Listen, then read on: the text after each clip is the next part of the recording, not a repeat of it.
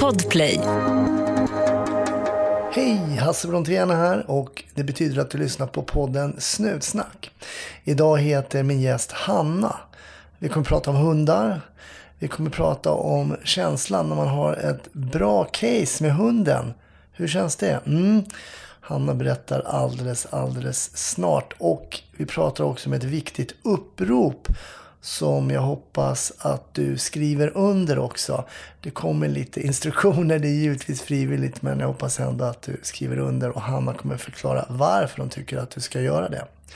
I Patreon-avsnittet så pratar vi lite om vad är mest spännande? Är det att jaga en bov med hunden eller är det att eftersöka en försvunnen person? Det och lite annat pratar vi om där i Patreon-avsnittet. Annars finns vi såklart på Facebook och Instagram också. Nu tycker jag att eh, du ska vara försiktig där ute. Och jag hoppas ju som vanligt att du får en riktigt trevlig lyssning. 1310 570 kom. 1310 Odengatan kom. Ja, det är uppfattat. Vi tar det. Slut. Bra. Klart slut. Idag säger jag varmt välkommen till min gäst Hanna. Hej! Hej! Så kul att eh, du vill vara gäst. Och till er lyssnare så kan jag berätta att det här började egentligen med att Hanna skrev ett mail till Snutsnack om ett upprop. Ett väldigt eh, viktigt upprop. Och jag tänkte Hanna att vi skulle återkomma till det alldeles strax. För det är väldigt viktigt. Men först så vill jag ju veta och jag vill ju också att lyssnarna ska få veta. Vem är du och vad gör du inom polisen? Ja, jag är 43 bast eh, och eh, är i nuläget hundförare inom polisen i Göteborg. Ja, Eh, och där har jag varit i 12 år faktiskt. Okej. Jag har haft tre, tre hundar. Mm, ja, två lever inte längre men nu har jag en, en som jag jobbar med. ja. Det brinner jag för. Var, var det liksom en, en liten plan som fanns i bakhuvudet när du, redan när du sökte till polisen? Att hundförare skulle verkligen kunna vara något som jag skulle kunna tänka mig att jobba med? Ja, så var det nog, men jag hade ingen riktig koll liksom. Jag ville bli sjöpolis och jag ville bli... ja, jag, jag ville bli liksom någon sån här stabil spanare liksom. Mm. Och sådär. Så att, men efter några år så kände jag ju liksom att... eh, För jag har har haft hund hela mitt liv. Så jag kände ju bara, det, det är ju drömtjänsten. Ja, Och även för hunden, det är ju bästa hundlivet en hund kan ha liksom. ja. Ja. När börjar man få koll då? Du sa att man, när börjar man få koll på liksom det polisiära? För det finns ju så många liksom olika verksamhetsgrenar inom polisen. När kände du att du började få koll på vad du inte ville göra? Ibland är det också viktigt att veta vad man inte vill göra. Men när började du känna så här, men nu söker jag nog i alla fall till hunden, enheten? Nej, ja, nej, men jag sökte ju faktiskt efter fem år redan till hundarna. Men jag kände väl att det är ju den blå sidan som jag brinner för liksom. Och det är ju där som jag gör nytta. Och sen så eh, gillar jag ju eh, adrenalinkickar eh, och vara där det händer. Mm. Eh, och då framförallt att jobba med ett djur. Det är ju en fantastisk känsla när eh, hunden eh, löser caset liksom. Min dressyr som jag har hållit på och övat i x antal moment flera gånger om. Och så löser hunden caset liksom. Och vi får en gripen gärningsman. Det är ju en otroligt skön känsla. Ja, jag förstår det. Och när du säger blå sidan, för de som inte riktigt hänger med, då menar du den yttre verksamheten då? Ja, precis. Eh, det är väl där som jag känner att jag hör hemma liksom. Men de fem åren innan du började jobba med hundarna och sådär, hur var de fem åren då? Jag började faktiskt i Helsingborg ett år och sen... Eh, jag kommer ju från Göteborg, det kanske hörs. Det men, hörs lite grann. Det kan Ja, lite grann. Jag ska till Göteborg ikväll. Ja, ja, ja, trevligt. Det är ju Sveriges framsida. Mm. Ja, en del, Ja. en del säger det. Ja. Ja, nej men och sen hamnade jag i Kungälv faktiskt. Det är ju en, en mindre ort i, utanför Göteborg. Mm. Eh, och sen kände jag väl att nej, det får vara lite mer puls. Så då kom jag till Hisingen och jobbade där i tre år på IGV. Hur var IGV då? Bra, men eh, hårt tryck liksom. Ja. Det var mycket, mycket att göra. Eh, men vi hade ett väldigt härligt eh, arbetslag, turlag eh, med eh, Ja, var, det var väldigt tryggt att jobba i det turlaget. Det var äl, mycket äldre kollegor och eh, ja, vi hade ett gött eh, kött och vi hjälpte varandra där. Det är intressant för att det är många poliser, många gäster i podden som just nämner det här eh, tryggheten i arbetslaget eller turlaget som man säger inom polisen. Då, hur, hur viktigt är det egentligen att känna den här tryggheten som du nämner och det fanns blandad äldre och lite äldre kollegor. Så hur, hur viktigt är det? Nej men det är ju nästan A och O liksom. Att, att oavsett vem jag jobbar med i arbetslaget så känner jag att den människan kommer eh, gå över eld för mig liksom. Och, och då ska ju na- naturligtvis den andra kollegan känna likadant att jag gör detsamma liksom. Det, det är ju något speciellt eh, inom kåren, just den kårandan som finns. Jag har ju aldrig varit inom eh, brandförsvaret eller försvarsmakten på det sättet liksom. Så att jag kan inte uttala mig hur de har det. Men eh, eh, den, eh, den tryggheten eh, som kollegor gentemot varandra har är ju, tror jag, rätt exceptionellt liksom. Mm, ja, men den är unik och den, Ja. den som har upplevt det då, vilket jag ju eh, menar med all tydlighet att jag själv har gjort, att den är också lite svår ibland att beskriva för de som du, du säger nu, jag har inte jobbat inom till exempel eh, brandförsvaret och sådär. Där vet man inte riktigt hur det är. Och det polisiära är också svårt att förklara för de som, som inte riktigt har varit i det. För kåranda är ju mycket, om man läser media och sådär, så är kåranda någonting negativt. Att man håller varandra Ja. bakom ryggen och om någon gör något fel så skulle man inte yttra det, så att säga. Sådana Ja. saker. Men som, som hundförare, jag åker ju ofta själv eh, till case liksom. Och, eh, jag går oftast inte ut i skogen själv eller sådär. Utan oftast tar jag bara med mig någon kollega som är på plats liksom. Att du tar radion och, och ja, vi är två på det här caset liksom. Mm. Eh, och det, i och med att jag har gjort det x antal gånger under de här 12 åren så är det, nej men jag känner en trygghet varje gång som jag tar med en kollega liksom. Mm.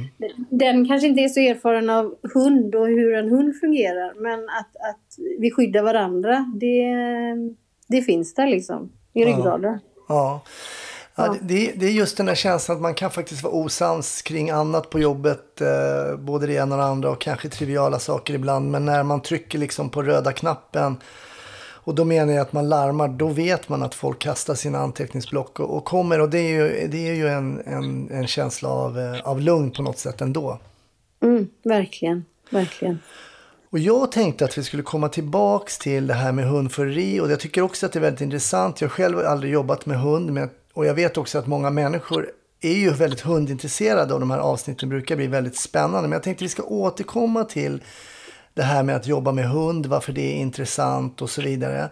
Men jag tänkte att vi skulle börja med det här uppropet som du kontaktade mig eh, gällande. Och du, är, du berättade innan vi spelade in här att nu drar de lite i dig för att det här är, är liksom ute på... Du har många liksom grenar ute kring det här uppropet. Berätta gärna Hanna vad det handlar om. För du nämnde hissingen och jag vet att vi har en koppling där.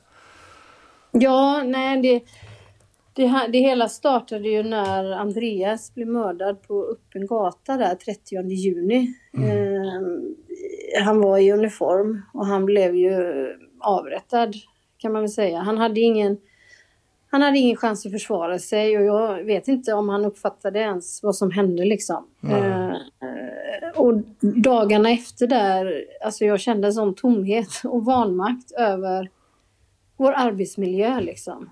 Eh, hade han åkt på ett larm och det hade blivit en eldstrid eh, och man är mentalt förberedd och sådär så tror jag inte jag hade reagerat på samma sätt liksom. Men nu eh, var det ju som...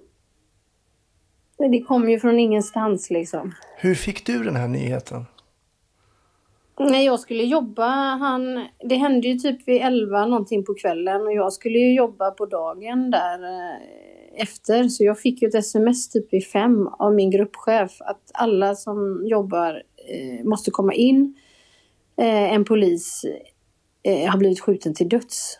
Det var typ det enda jag fick.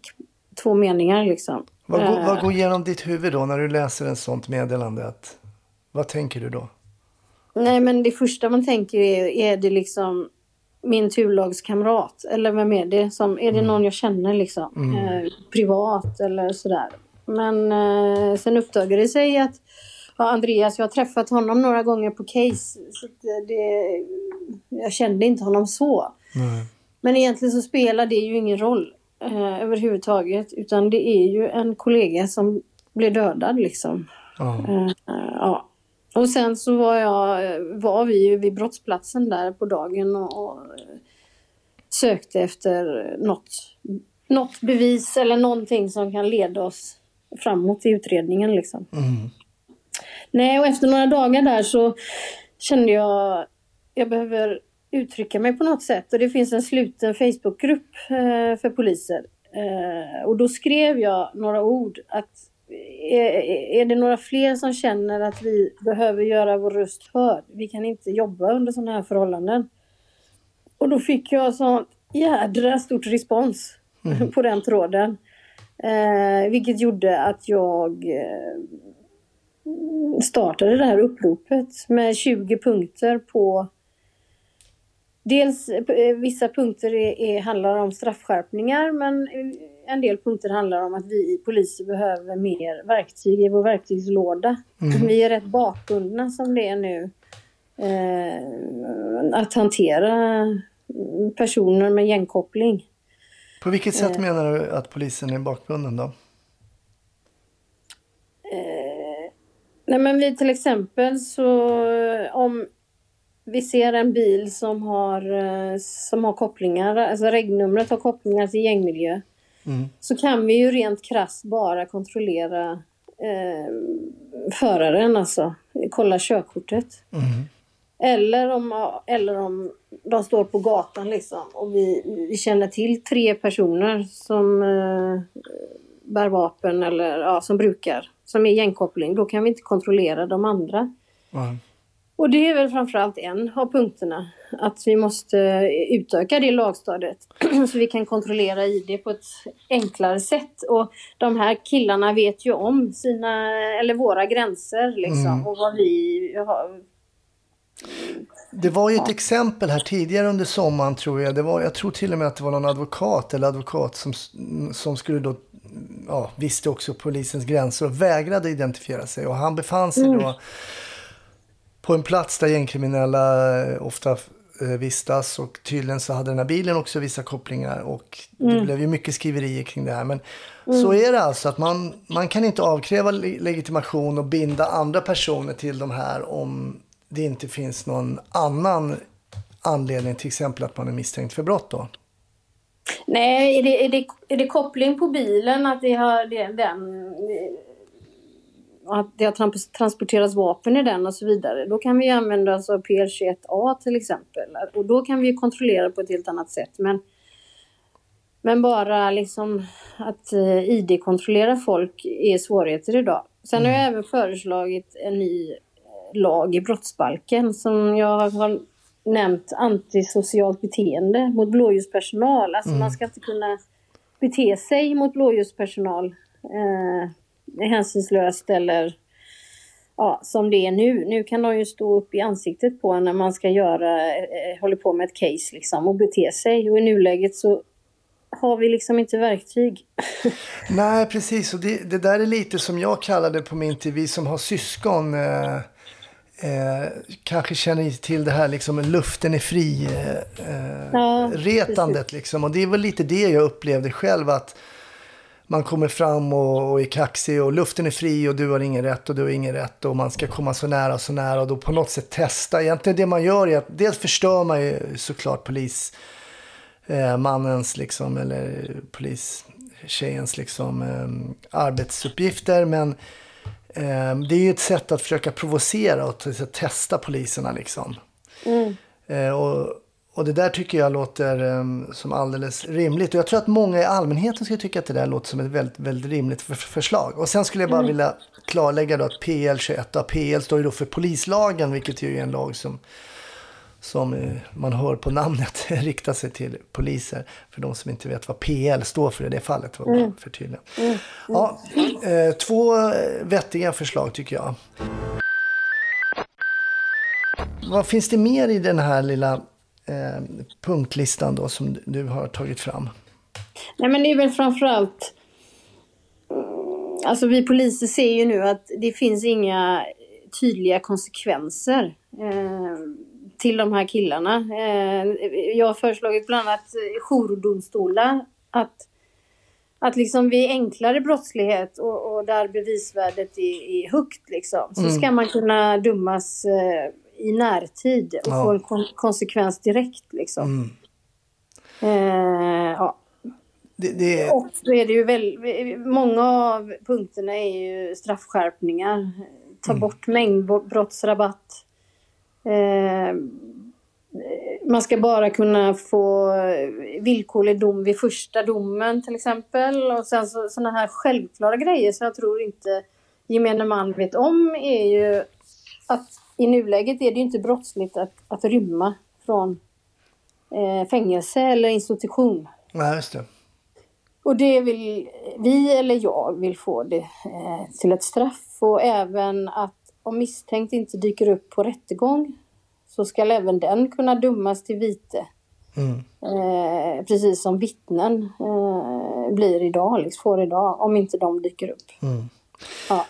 För det är väldigt intressant, eh, i början sa du att du kände den här frustrationen och den här um, att arbetsmiljön måste bli bättre. Och då tänker man ju kanske först och främst då man hör det, jaha, har ni inte liksom skor med stålhätta eller är inte, är inte liksom skyddsvästarna tillräckligt bra. Men det är ju det här runt omkring polismannen som också är en form av liksom hjälpmedel som kallas för lagstiftning då. Som mm. också eh, gör att arbetsmiljön skulle förbättras. Har jag uppfattat det rätt då? Ja, det finns ju olika delar i en arbetsmiljö tycker jag. Liksom. Mm. Och, eh, vi är bakbundna och det är flera eh, poliser som jag känner som har slutat för att det är som, de har så stor frustration i sig att inte kunna agera. Mm. Eller göra någonting. Så det, det blir som svart kära inom en till slut. Så mm. de har ju valt en annan bana och oftast är det ju tyvärr att de som slutat som poliser, de är, det är ju de som är mest drivna och eh, vill göra skillnad liksom. Mm. Och när man känner att man inte klarar det så, så lös, ja, då vill man göra något annat. Det är inte värt det helt enkelt. Och framförallt inte om man kan bli skjuten och bli avrättad liksom. Så som Andreas blev. Nej, och jag, jag har ju sett några, det, ibland florerar ju lite sådana här klipp på sociala medier kring när poliser blir konfronterade med liksom kanske inte med ett fysiskt våld, men ett väldigt aggressivt eh, verbalt beteende och man blir kallad för både det ena och det andra. Och jag känner att det kanske inte heller är så lockande att se det och tänka, men där skulle jag gärna vilja stå och ta emot Nej. och bli smädad utan att kunna göra någonting. Nej. Det, det, det, det känns så Nej. fel. Nej, och, och vi poliser är ju vi, när andra flyr så är det ju tänkt att då ska ju vi ta ett steg fram liksom. Mm. Vi är ju Ja, vi är ju lagen liksom och vi är modet eh, och vi ska lösa situationer. Mm. Ja. Jag kan förstå att du berättade att du började med att liksom skriva i den här uh, Facebookgruppen Eh, där det finns eh, poliser och du fick ett väldigt starkt gehör. Men hur har gehöret varit från, från människor som då inte eh, jobbar inom polisen? Vad har du fått för, för feedback där? Eh, nej men den har ju blivit väldigt, eh, också väldigt stor. Jag har ju synts lite i media eh, och gjort olika mm, alltså, nyhetsinslag. Vilket har bidragit att typ växeln har ringt mig, polisväxeln har ringt mig och bara vad, nu ringer det en massa folk här och vill skriva på. vad, vad ska vi göra liksom? Och, och, och de ringer från receptionen i Göteborg och när folk kommer in liksom och vill skriva på. Men tanken var ju från början att det skulle liksom bara vara eh, poliser. Så det har ju varit bläck och, och papper ute på polisstationerna liksom. En klassisk 80-tals namninsamling. Ja. Eh, Men nu, nu har det trycket faktiskt varit så, så att nu finns det en på skrivaunder.com som alla kan skriva under. Mm. Alla svenskar. Så man kan helt enkelt gå in via sin dator eller sin eh, telefon på skrivaunder.com. Är det slash någonting Ja. då eller hittar man det? Vad söker Nej, jag- man där? Eller, Ja, den är väldigt lång hela den eh, adressen? harangen, adressen Men jag kommer, det, ja, det, jag ja. kommer givetvis länka eh, till er Ja, lyssnare. bra. Så kommer jag givetvis Bra. länka och lägga ut det på Snutsnacks eh, Facebook-sida. Och jag kommer Mm. också lägga ut det på Patreon-sidan. Eh, så att man, om man känner att det Hanna berättar nu är någonting rimligt och någonting som man eh, skulle vilja skriva under. Så gör gärna det. Skriv under på det här. För det är ju enligt mig då, nu kanske jag, jag, ja det kan jag säga, det är klart jag talar å polisens vägnar eftersom som jag brukar säga, once a cop, always a cop. Lite så är det. Eh, så tycker jag verkligen att man ska skriva under det här. Eh, när du kom på de här tankarna liksom och bara kände att du ville vädra, kunde du ana att du skulle få den respons som du faktiskt har fått? Nej, men lite så som vi pratade innan eh, så är, vet man ju att den tunna blå linjen den är stark. Liksom. Det är en stark eh, blå familj som finns. Sen visste jag ju inte riktigt. Eh, alltså jag gjorde ju detta på eget bevåg. Jag tog inte kontakt med någon chef och berättade. För jag kände att eh, jag kör på på gräsrotsnivå och så får vi se vad det, det blir av det.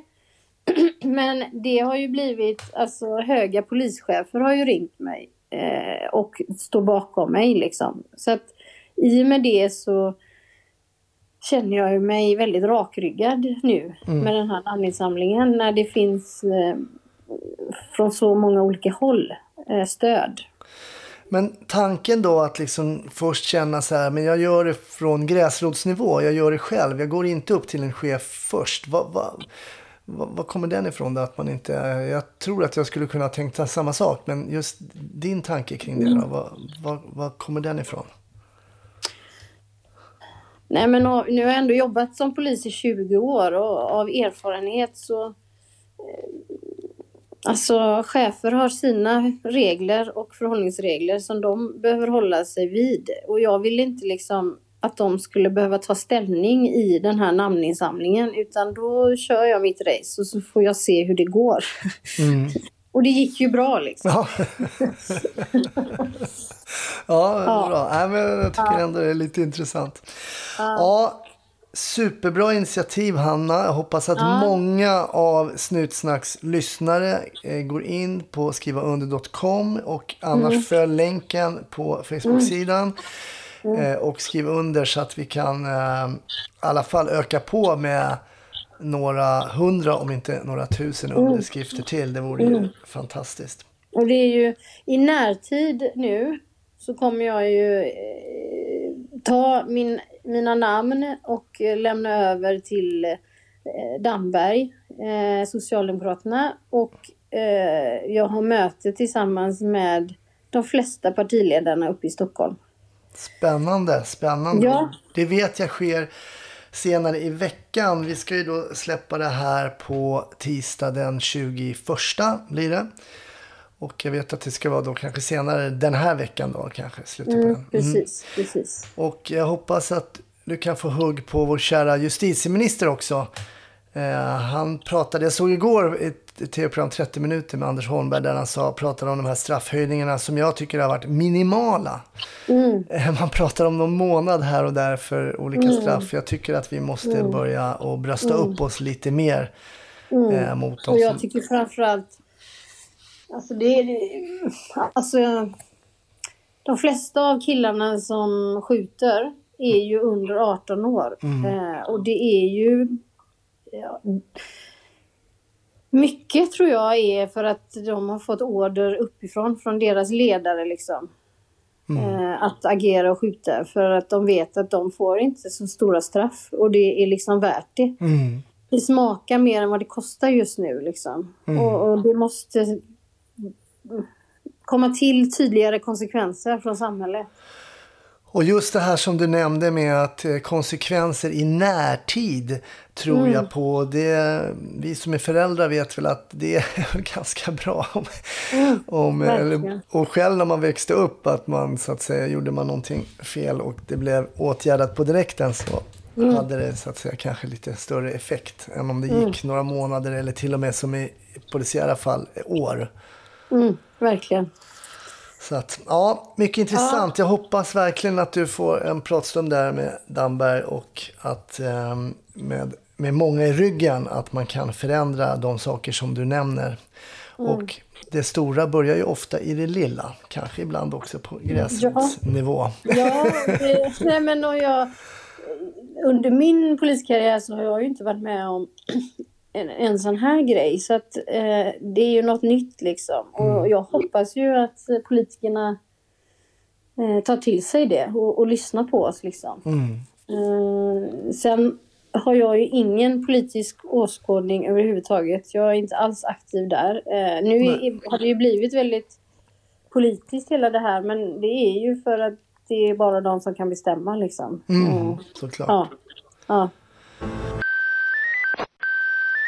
Men nu skulle jag vilja höra mer om hundenheten och ditt jobb där. Du berättade i början av avsnittet att du har inne på tredje hunden, stämmer det?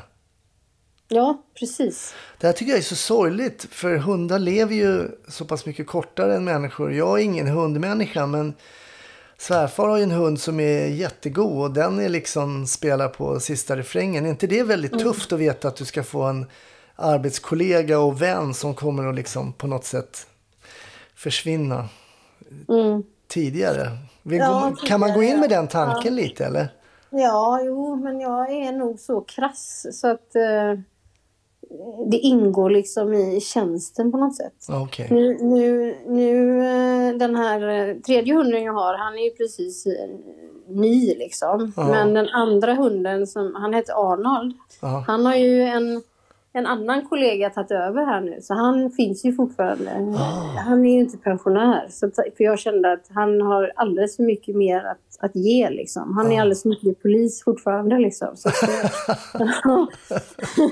han hade inte trivts som pensionär. Så han eh, fortsätter ju och han eh, hittar så mycket narkotika och eh, hittar banditen. Många, många banditer har han redan hittat. Så att han har ju verkligen levererat här med sin nya förare. Hur kommer det sig att man byter hund då? Nej men jag, den hunden jag har nu, han heter Översten. Han kunde jag inte... Nej men jag kunde inte tacka nej till den eh, parningen. De, här, de här två föräldrarna där. Eh, så då kände jag att nej, jag måste hoppa på det här tåget. Så att, eh, så blev det. Ah, vad var det som var så bra med överstens föräldrar då? Nej men pappan är ju eh, tjänstehund i Göteborg.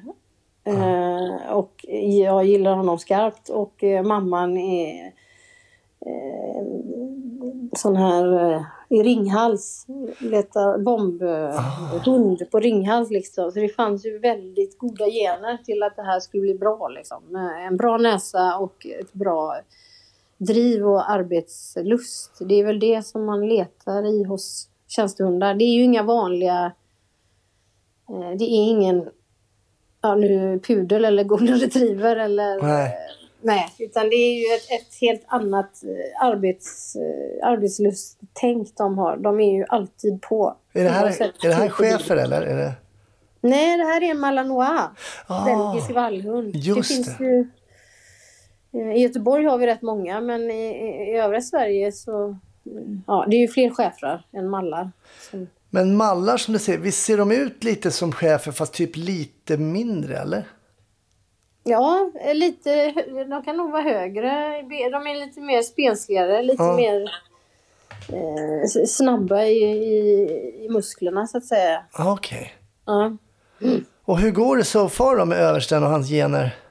Jo, men det går bra. Han, vi, vi har ju varit i tjänst i ett halvår. Ja. Så han är ju fortfarande eh, i, i förskolan till att bli, alltså på riktigt liksom. Det är Ja. ju en aspiranttjänstgöring också kan man väl säga Ja. där hos, hos hund innan de fattar eh, alltså vad det, är det handlar om egentligen. Alltså man har ju lagt så mycket träningsspår tidigare men när man väl får ett, ett tjuvaspår liksom så, så de äldre tjänstehundarna är ju, fattar ju direkt vad, vad det är för spår de nu ska spåra liksom. Och det är en jävla skön känsla. när man Du menar att de taggar till liksom extra? De märker att det inte liksom, nu är det inte bara Nej. övning. Nej, precis. Det här är ju... Jag tror ju att om vi, speciellt om vi eh, let, eller söker eller spårar efter folk som själv har haft adrenalinpåslag, om man tänker efter en biljakt eller sådär, eh, så tror jag att ja, det är väl vissa, det utsöndras i spåret liksom. Mm. Ja, och det känner nog hunden också. Den doftbilden liksom. Jag har ju aldrig varit hund så jag vet inte. Men, men, men, men man kan ju läsa av hunden. Det är skillnad på spår och spår. Ja. Vad är det bästa med att jobba som polis och hundförare? Eh, nej men det är ju friheten liksom. Att, mm, vi är ju väldigt mycket ute i skog och mark. Eh, dels tränar vi våra hundar men sen så är vi ju... Vårt viktigaste uppdrag är ju att leta efter försvunna. Mm. eh, suicidala eller eh, dementa eller sådär. Så att i, i och med det så är vi väldigt mycket ute i skogen och, och, och det blir ju väldigt fritt liksom. Man, man äger ju sin egen arbetstid på ett sätt som man kanske inte gör om man eh, ja, i, i ett IGV-turlag. Just det. Mm. Mm. Hundförare också då. Vi, hackar, vi hackade kanske lite mer på trafikpolisen men sen tvåa kanske hundförare. Ja, ja, För att de, det ska ju alltid vara några man kan vara hacka på lite grann. Ja. Trafikpoliser kallade jag alltid för beväpnade lapplisor. Det, det, var, ja, det var ju aldrig speciellt. Hade inget sånt bra eh, namn på hundförare. Men jag tror att det är precis som att en, en kanske speciell personlighetstyp blir tekniker. Så är det nog så att en kanske en annan personlighetstyp blir hundförare. Ja, jo, det här är ju en livstid liksom. Vi, har ju, vi har ju med oss hundarna hem. Eh, så att, eh, ja. Utredare kanske tar med sin dator hem. Ja, Och, eller sina, FUP, eller sina förundersökningsprotokoll i hjärnan liksom. Och ligger och tänker på hur de ska utreda saker. Men ja, vi har ju den här hunden som ska rastas och när man ska på släktkalas och sådär så kanske man kan inte ha med den. Och, ja. Så det är lite meck runt omkring. Men det är ju värt det. För mig är ju detta det är världens bästa jobb. Ja. Men hur funkar det då? Har du berättat om man ska på släkt. Hur funkar det då liksom att alltid ha ditt arbetsredskap så att säga med dig wherever you go så att säga? Hur funkar det? nej men man, i och med att det är tjänstehund och vi, han är ju lärd till att bita. Han har fått liksom okej i att bita liksom. Mm. Så måste man ju alltid ha ett öga på vad som händer liksom. För det är ändå djur. Mm. Sen har vi ju kontroll på våra hundar, det är ju inte det. Men, men eh, ja, det är ju inga sällskapshundar på det sättet liksom. Finns det någonting negativt med att vara hundförare? Som du ser yrkesmässigt? Det är väl, eh, det är väl eh, pressen. För varje år så ska vi klara vissa alltså dressyrkontroller liksom. För att vi ska kunna ha tjänst, hunden i tjänst. Så att det är väl...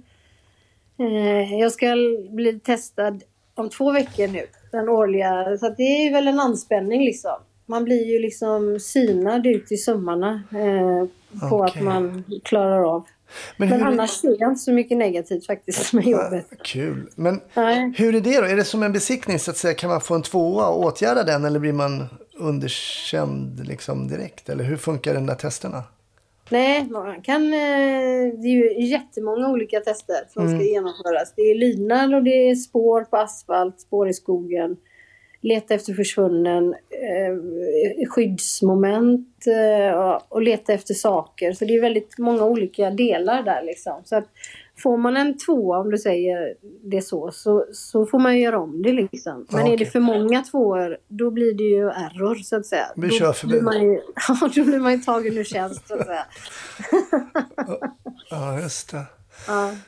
Mm. Nu, nu är jag ju nyfiken på eh, ett case som du har varit med om. Och kan det vara så att det är ett fall som, där du har haft hund med? Ja, det är mycket möjligt. det. Ja. en ren chansning, men jag tänkte oddsen. Ja. men berätta, Nej men, jag är alltså, det finns, nej men det finns ju väldigt många olika case som vi handlar. Jag har ju väldigt många, eh, inte lik i garderoben, men Nej. jag har många lik på mitt sinne alltså, som vi har hittat. Mm. Och det är ju väldigt tragiskt men eh, det är ett väldigt viktigt jobb som vi utför i och med att eh, anhöriga får ett avslut liksom. Mm. Så, ja. Men det behöver jag inte dra, utan jag kan dra mer ett adrenalin-case. Det är Det de jag jag gillar låter- liksom. det Det är därför spännande. som jag är, är hundförare liksom. Ja. Ja, nej men det var ju med min förre tjänstehund Arnold då, precis när han hade blivit klar. När han var precis lite så aspirant eh, eh, mode fortfarande liksom. Och då hade det varit ett klassiskt slang, alltså det var två personer som hade slangat bensin ifrån lastbilar. Så att, eh, och sen hade de sprungit från platsen när IGV-polis kom. ja. Ja. Och jag tar ut Arnold. Då hade jag med mig en, en nära kollega, Martin också. Vi har jobbat tillsammans i många år. Eh, och har ett, ja, vi har ett gött flow i, i tänket så att säga. Nej, så jag tog ut Arnold och eh, började söka spår. Får, får ingenting liksom. Så kan det ju, det kan ju vara så ibland med hundarna också. Att de inte riktigt är i rätt fack så att säga. Så går jag förbi ett, eh, ett buskage, kanske 100 meter ifrån och så säger jag till Martin bara, äh, jag skickar upp hunden, jag skickar upp hunden här. Och Martin bara, eh, va? Ja men jag testar och ser, han, han är ju inte här men jag skickar upp. Så skickar jag upp honom eh, lös eh, 100 meter. Och så börjar hunden skälla där uppe. Jag kommer ihåg att jag tittade på eh, Martin bara, vad fan, vad fan händer? Springer upp. Ja men då ligger det ju en ihopkrupen eh, eh vid en sten där mitt i natten liksom. Ja, ta, tar tillbaka honom. Och så, ja, vi säger väl några ord till den här människan. Men så tar jag IGV, EGV-patrullen tar jag hand om honom. Eh, och så när jag är på väg tillbaka till lastbilen då flyger Arnold in i ett annat buskage. Då ligger ju alla, alla de här eh, dunkarna med bensin som de har släpat liksom eh, dit då. Ligger de där. Eh, ja. Och sen så säger jag till Martin bara, men fan det är ju, det är ju en till som är ute på lösen. Ta din hund Martin. Ja, så tar han ut eh, Lex då som han hette. Lex var ju Eh, ja, han var nog sju, åtta år och var en riktig tjuvajägare liksom. Han, var ja men du vet. Han, han, han, eh, han visste vad det handlade om liksom. Och vi får spår. Jag tror inte ens han hade spårsele på hunden. Utan han körde bara i koppel tror jag Martin. Och vi får spår genom Tuve centrum då som är en, ja, ett mindre samhälle utanför Göteborg Mm. och asfalt. Lex galopperar nästan liksom och vi genom hela centrum in i ett skogsparti.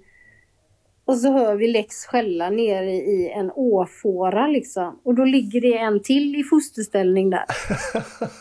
Ja, nej men alltså det är sådana case som, som värmer i ett hundförarhjärta liksom. När det, när det bara går på räls. Och man blir nästan mm, själv överraskad eh, över vilka situationer som hundarna ändå löser ut. Ja. Ja, Är det inte en ynnest att få fånga bovar? ja. Va? det är ju själva grunden eh, till... Det är därför man blev sheriff. Ja. Nej men jag måste säga det, det var... Jag kände det ibland, det var verkligen en ynnest att få fånga bovar. Och det, jag kan förstå den här extra tillfredsställelsen när, de, tillfredsställelsen när liksom bovarna faktiskt egentligen är borta. Som du säger, det fanns inget spår först. Nej. Och sen så är ju caset då iskallt under några minuter egentligen. Ja. Och så plötsligt så blir det både liksom grip och beslag och grip Ja. igen. Ja. Ja, där Nej, det är här, ja. ovärderligt med hundar där. Ja, eh, nej men det, vi hade ju inte löst det här eh, annars liksom. Ja, de kanske hade hittat de där dunkarna, eh, kollegorna, om de hade liksom gått och letat. Men det är ju inte alltid man gör det liksom. Hur, hur är reaktionen oftast när, som i det här fallet, du hittade eh, två misstänkta? Hur reagerar de som då ligger, du beskrev han låg i åfåran här i fosterställning, när det kommer fram en hund som skäller och, och säger så här, nu har jag hittat det. Hur är reaktionen då?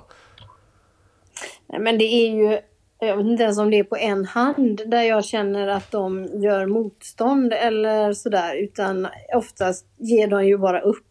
Eh, eh, och säger liksom att jag ger mig, jag ger mig. Alltså det är ju sånt klassiskt polisarbete. Ja. när de sträcker upp händerna liksom. Och, och när de får ficklappan i, i ansiktet så är det ju med skräck i ögonen liksom. Ja. Ja, så att... Eh, Det är så man önskar egentligen att alla polisingripanden skulle gå till. För då skulle man ju slippa eh, skador både på gripna och polismän. Och man bara, Ja. jag ger mig nu, han, ni var smartare än mig vid det här tillfället. Jag kommer inte undan. Men har du varit med om att eh, någon har försökt så att säga gå till våld eller smita från din hund eller sådär? Eh, jo, det har jag varit med om. Men, men eh, min hund har ju stått upp där då och eh, ja, stannat den här människan med bett liksom. Så att, eh, det gäller ju att veta vad man har i kopplet. eh, Liksom. Eh, och det har väl varit mitt Alltså det är ju mitt extra skydd. Eh, ja, om vi pratade om de här gängen så s- s- Ja, det är ju min rustning är ju även hunden där. Eh, för oftast så är de ju rätt rädda för hundar. Just det. Eh, så tar man ut hunden så händer det ju inte så mycket mer liksom heller. Så att, eh, det är ju en trygghet, en oerhörd trygghet och även eh, från IGV-kollegor bara åh vad skönt att ni kom liksom. Ja. ja. jag har själv något case faktiskt där, vi, där det kom hund och man blev väldigt, väldigt glad. och Ja. också blev grip det jag tänker på också. Vi åkte hem en kväll, eh, alltså vårt pass var avslutat och eh, vi ser att när de bryter sig in på en eh, bensinmack. Ja. Och vi springer efter in i skogen där, men det var ju lönlöst. Men så ringde vi och ja, så kom det en hundpatrull då. Mm. Sen blev det, de hade klättrat upp i ett träd. Mm. Det gick Ja. inte, de kom inte undan. Nej.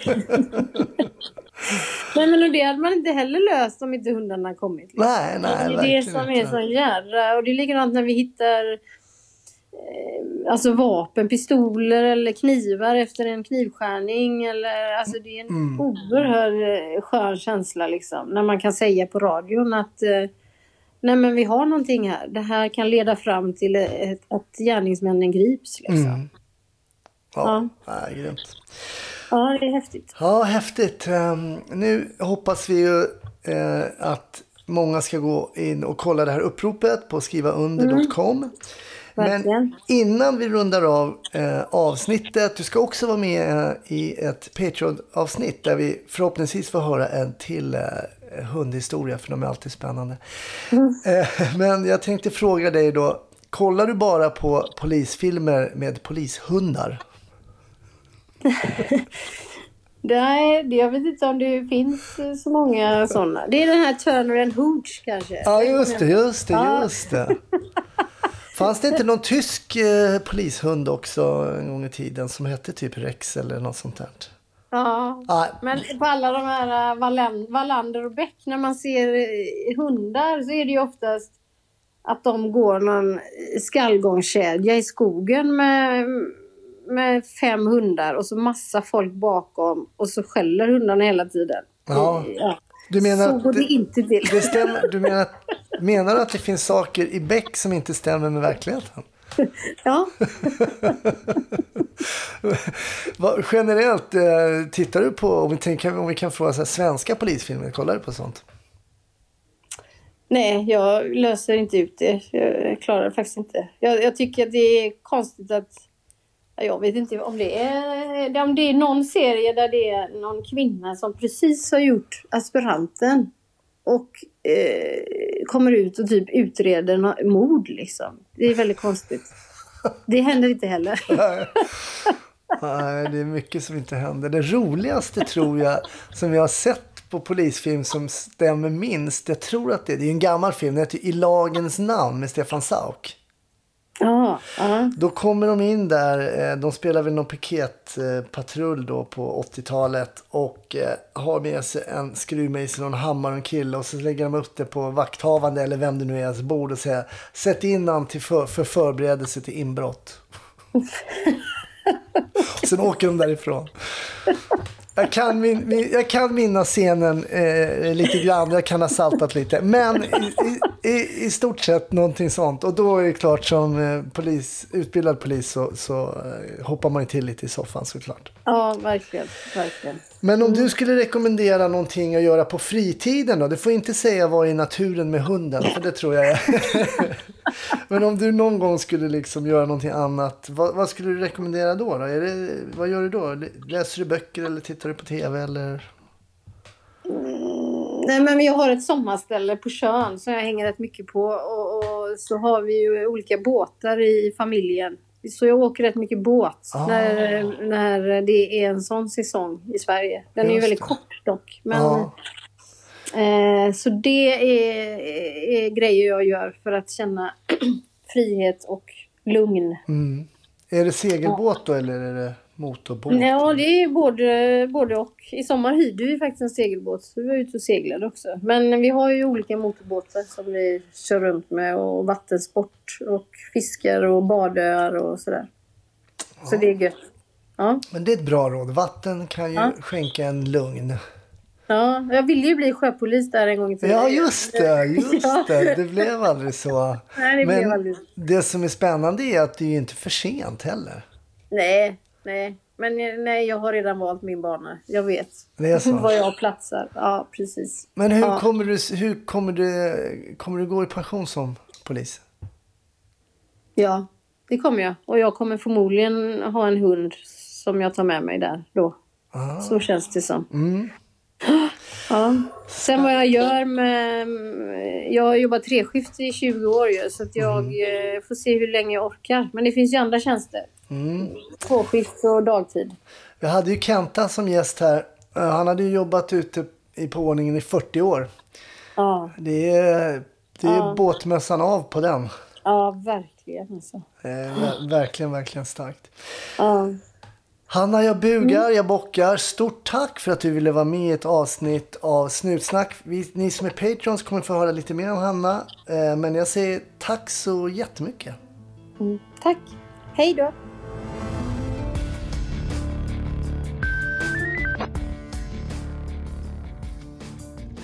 Stort tack för att du har lyssnat på Snutsnack. Dagens avsnitt är tyvärr över. Vill du höra lite mer? Bli Patreon om du inte redan är det. Patreon.com snutsnack. Annars ses vi på lite andra sociala medier, Instagram, Facebook. Eller så hörs vi nästa vecka. Jag hoppas i alla fall det. Ha det bra till dess. Hej då.